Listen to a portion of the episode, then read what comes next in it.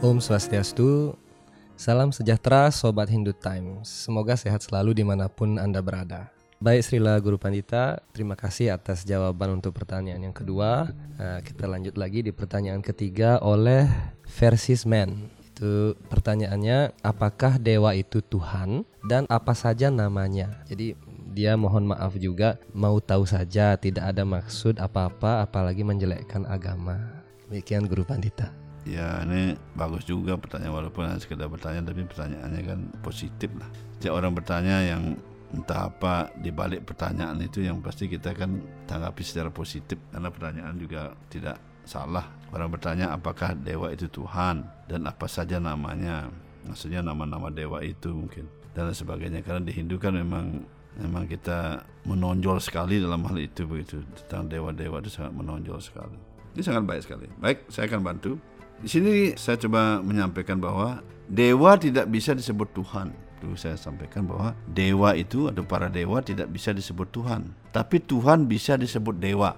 Dewa tidak bisa disebut Tuhan, tapi Tuhan bisa disebut dewa. Baloka yang dipimpin oleh Dewa Indra. Nah, di sini saya sampaikan bahwa kalau Tuhan bisa disebut dewa, namun para dewa itu yang pada umumnya itu itu adalah ciptaan Tuhan, ya seperti saya katakan tadi, ciptaan Tuhan dengan badan mereka terbentuk dari sifat kebaikan atau satwam. Kalau kita kan badan kita manusia ini kan campuran, ada kebaikan, ada nafsu, ada kebodohan, ya satwam, rajas, tamas. Jangan para dewa itu sepenuhnya kebaikan di sana, satwam. Itu badan mereka terbentuk seperti itu. Jadi di sana tempatnya di surga bernama Dewa Loka. Jadi dipimpin oleh Dewa Indra. Para dewa utama terdiri dari 33 juta dewa. Jadi surga itu ada 33 juta dewa itu yang utama artinya yang menonjol lah. Itu belum termasuk istri dan anak-anaknya. Di sana juga punya istri, punya anak-anak para dewa itu. Mereka bertugas untuk mengatur bagian-bagian alam semesta seperti air, angin, api, matahari, bulan, planet-planet, tubuh manusia bahkan dan banyak lagi yang lain. Bahkan Brahma pun disebut dengan dewa walaupun beliau adalah salah satu guna awatara yang bertugas untuk mengassembling alam semesta. Artinya unsur-unsur alam telah diciptakan oleh Tuhan dan Dewa Brahma hanya membuat ciptaan dari unsur-unsur itu seperti apa yang kita lihat di alam ini. Demikian juga Siwa pun dikatakan dewa walaupun beliau Tuhan sendiri yang bertugas sebagai pelebur. Demikian juga Wisnu walaupun beliau merupakan ekspansi langsung dari Tuhan sendiri, beliau bertugas sebagai pemelihara. Karena itu eh, Wisnu disebut sebagai dewa sehingga ada istilah Dewa Brahma, Dewa Wisnu, Dewa Siwa. Itu sudah umum itu. Namun banyak orang belum memahami juga kan. Nah tentu kita belajar sekarang. Saya coba untuk membantu menyampaikan. Andaikan raja ada raja yang tertinggi, kemudian yang di bawahnya juga ada raja-raja yang disebut raja-raja bawahan. Karena itu janganlah salah paham dengan hal ini. Bahkan Tuhan sendiri harus juga dikatakan dewa, ya seperti dewa Brahma, dewa Siwa, dewa Wisnu itu.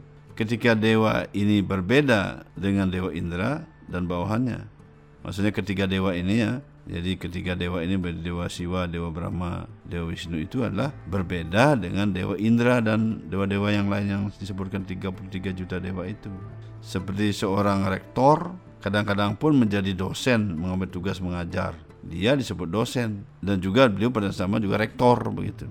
Karena itu sesuai dengan penjelasan kitab suci Weda, ini adalah dewa-dewa utama yang merupakan awatara yang disebut dengan guna awatara. Jadi dewa-dewa utama, Brahma, Wisnu, Siwa itu dewa-dewa utama yang lebih dari dewa-dewa yang lain tadi.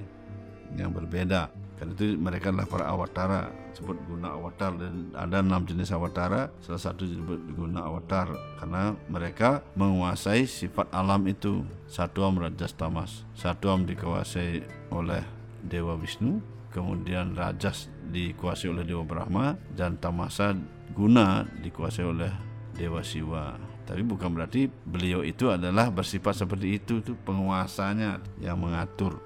Nah kemudian di antara guna avatar ini Wisnu adalah yang megang peran langsung dengan seluruh makhluk hidup di alam semesta ini. Karena itu beliau bertugas sebagai pemelihara. Andaikan seorang anak dengan orang tua Seorang anak pasti senang dengan orang tuanya ketika orang tuanya memberikan dia uang, mengajak dia berobat ke rumah sakit, mengajak dia jalan-jalan sambil olahraga, mengajak makan ke rumah makan atau restoran. Senang anak-anak itu seperti itu. Secara alami seorang anak suka dengan sikap ayah yang seperti disebutkan tadi itu. Sebagaimana Rigveda juga menjelaskan di sini dalam kitab suci Veda Rigveda Mandala 1 bab 22 ayat 20. Sini jelaskan. Para dewa senantiasa memandang tempat Wisnu yang tertinggi. Jadi artinya bahwa para dewa bertugas mewakili Tuhan untuk menjaga semua makhluk hidup bertanggung jawab pada Dewa Wisnu. Sehingga dalam hal ini Dewa Wisnu adalah Tuhan. Dewa-dewa yang lain seperti Surya, Indra, Chandra, dan lain sebagainya adalah dewa bawahan yang bertugas untuk mengatur unsur-unsur alam itu. Namun demikian, Weda juga mengajarkan agar orang lebih paham tentang ketuhanan sehingga orang tidak bingung mana disebut dengan dewa, mana disebut dengan Tuhan. Selanjutnya Weda juga menjelaskan seperti di sini saya kutip bahwa kita bab 11 ayat 22. Sini jelaskan bahwa semua jenis manifestasi dari Dewa Siwa, Aditya, Wasyu, Sadya, Wisyadewa, dua Aswi, Marut, leluhur, para Gandarwa, Yaksa, Asura, dan para dewa yang sempurna memandang Anda dengan takjub. Begitu. Jadi pada saat itu di di Borita itu dikatakan bahwa mereka semua takjub melihat Tuhan Sri Krishna di sana dengan mana beliau menunjukkan wisya rupa beliau memenuhi alam semesta. Kemudian dalam ayat 23 juga dijelaskan, wahai yang berlengan perkasa, semua planet bersama dewa-dewanya goyah melihat bentukmu yang agung. Begitu. Kemudian dalam ayat 25 juga di sini Arjuna menyebutkan Tuhan Krishna dengan panggilan wahai penguasa dari para dewa. Kemudian Weda juga mengajarkan bahwa Tuhan Yang Maha Esa yang merupakan sumber dari segala ekspansi itu yang mana kekuasaan dan kehebatannya dipuja oleh para manusia dan para dewa dalam tiga aspek Tuhan yang berwujud, Tuhan yang berada dalam hati setiap orang atau setiap makhluk dan Tuhan yang tidak berwujud. Nah, itu tiga aspek Tuhan.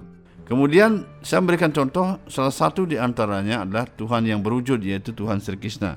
Beliaulah Tuhan yang berwujud karena itu beliau disebut dengan Bhagawan di mana Tuhan yang tidak berwujud disebut dengan Brahman dan Tuhan yang berada di mana-mana termasuk dalam hati setiap makhluk hidup disebut dengan Paramatma. Jadi dalam hal ini Tuhan yang Maha Esa itu dikenal melalui tiga aspek itu yang bersifat mutlak. Pada saat yang sama Tuhan dalam manifestasinya sebagai dewa pencipta, dewa pemelihara, dewa pelebur termasuk juga para dewa yang lain yang berekspansi dari kemahasaan Tuhan. Pada saat yang sama adalah berbeda dalam kekuasaannya. Itulah Tuhan yang maha hebat kemahasaan Tuhan Sri Krishna yang dikatakan penguasa dari segala penguasa kita bisa lihat dalam kitab suci Veda Baurita bab 11 ayat 16 Oh Tuhan penguasa alam semesta. Saya jelaskan. Kemudian pada ayat 20 juga dijelaskan walaupun engkau satu engkau menyebar di seluruh langit dan planet dan ruang angkasa. Tuhan sekisah juga menjelaskan diri beliau dalam Veda Baur kita bab 10 ayat 20. Di sini dengan jelas disebutkan bahwa beliau sebagai Tuhan yang Esa yang ayatnya berbunyi sebagai berikut.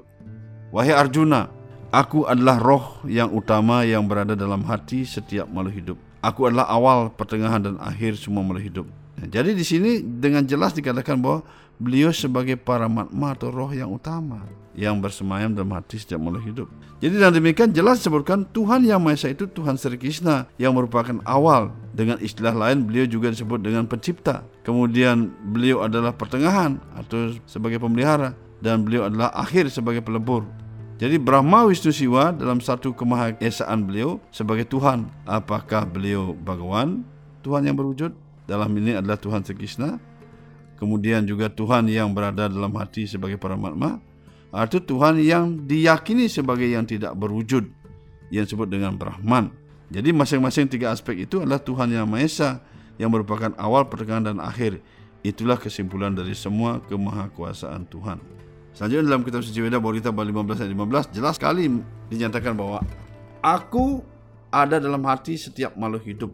Ingatan, pengetahuan dan pelupaan berasal dariku. Akulah yang harus diketahui dari semua Weda karena aku sendiri yang menciptakan Weda dan aku yang mengetahui Weda. Jadi dalam hal ini, apakah seseorang memuja Tuhan yang berwujud, tidak berwujud, atau yang menyebar dalam hati setiap makhluk hidup adalah Tuhan yang Maha Esa. Yang sama, ya, Tuhan yang Maha yang sama yang merupakan sumber ingatan, pengetahuan dan pelupaan itu. Dan harus juga diketahui bahwa dari semua kitab suci Weda. Jadi artinya beliau yang harus diketahui dari semua Weda itu. Ketika kita ingin mempelajari kitab suci Veda kita harus akhirnya pada ujungnya kita harus mengerti beliau tahu tentang beliau. Tentang Tuhan maksudnya. Apakah Tuhan itu yang berwujud seperti Bhagawan disebut Bhagawan? Apakah Tuhan itu tidak berwujud atau yang berada dalam hati semula hidup?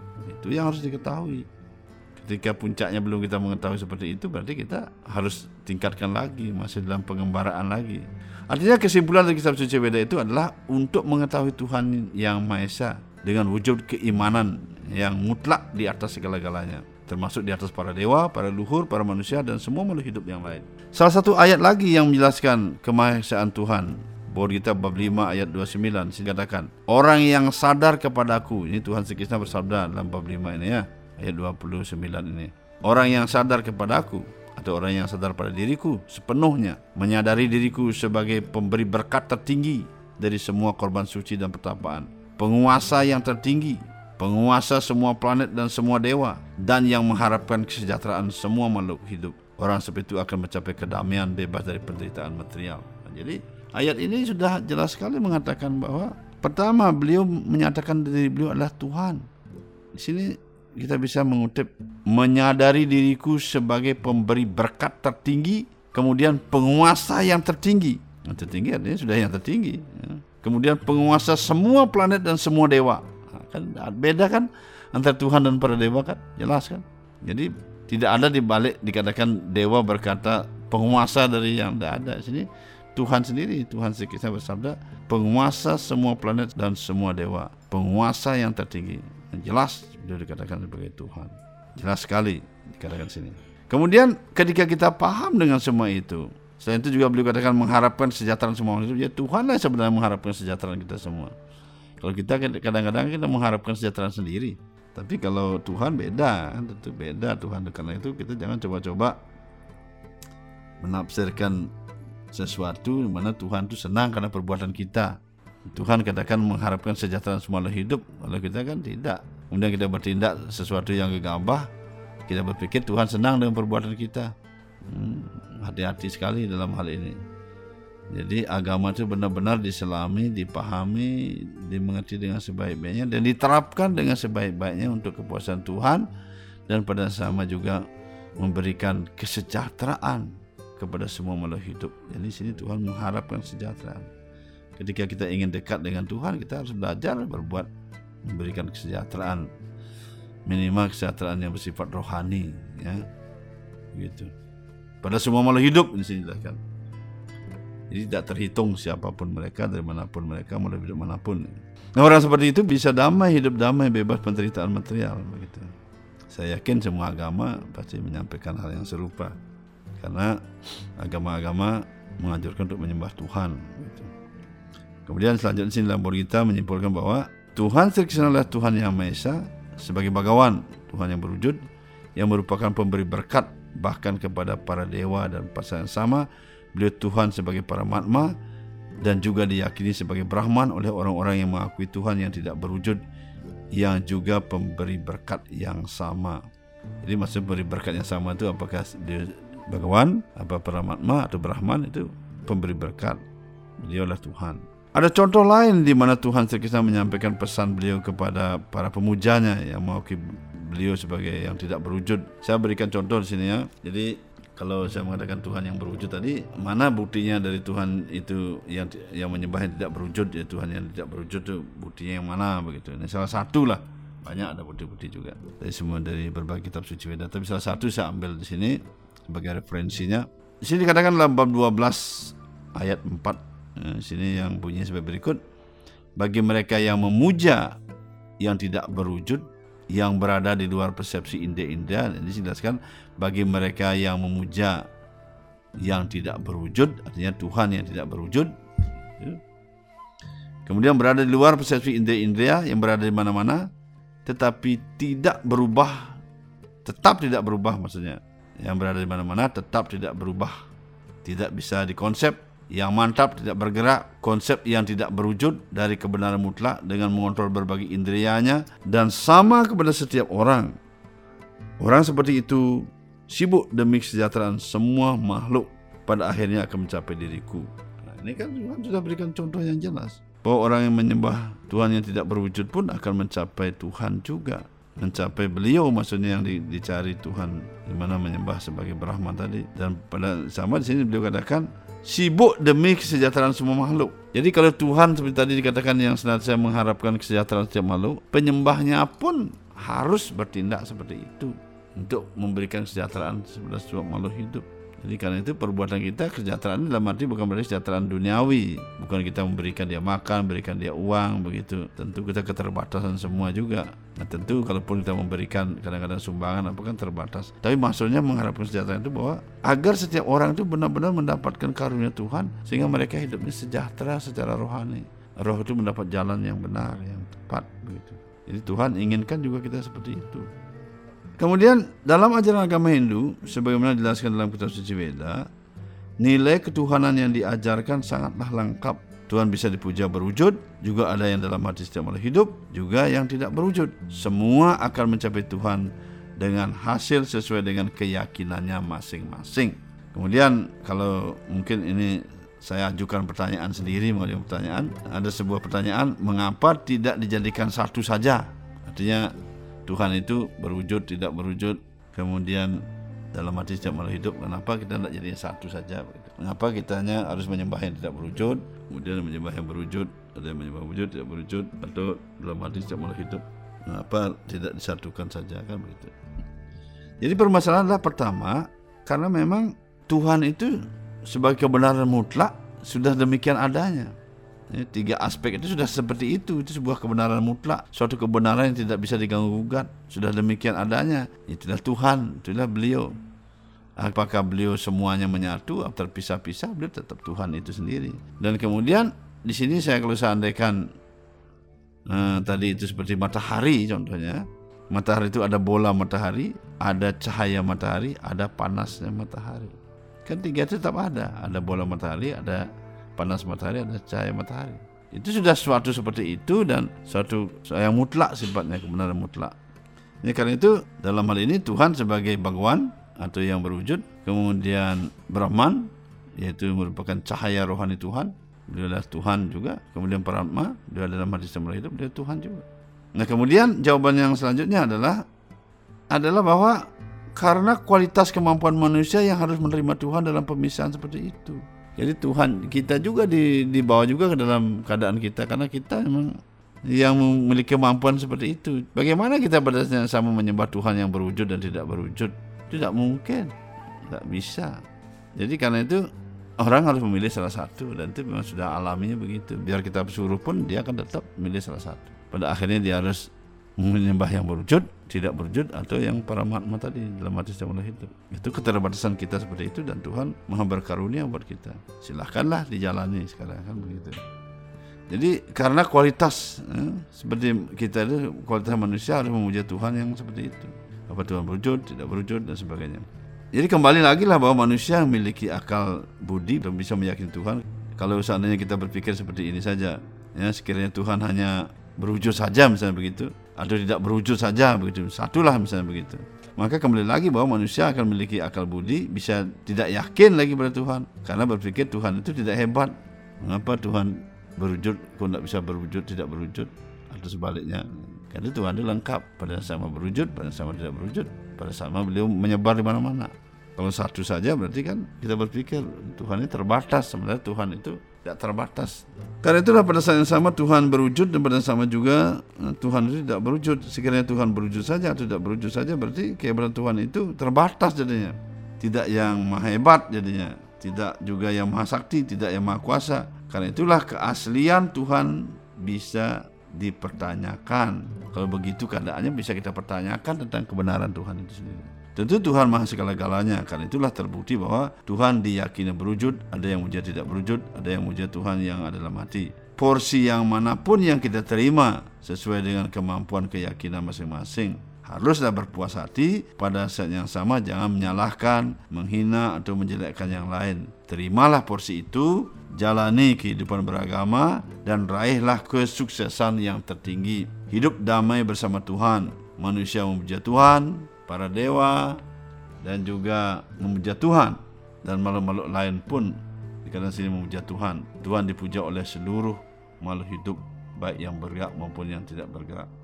Jadi sini dikatakan bahwa bukan saja manusia yang memuja Tuhan maksudnya, makhluk-makhluk lain pun memuja Tuhan. Karena itu Tuhan dipuja oleh seluruh makhluk hidup, baik yang bergerak maupun yang tidak bergerak, makhluk hidup di seluruh alam semesta. Tempat tinggal Tuhan adalah alam rohani yang tertinggi dan tempat para dewa adalah di alam surga yang bernama Dewa Loka. Jadi tempat para dewa itu di surga bernama Dewa Loka khusus untuk para dewa di sana. Terima kasih.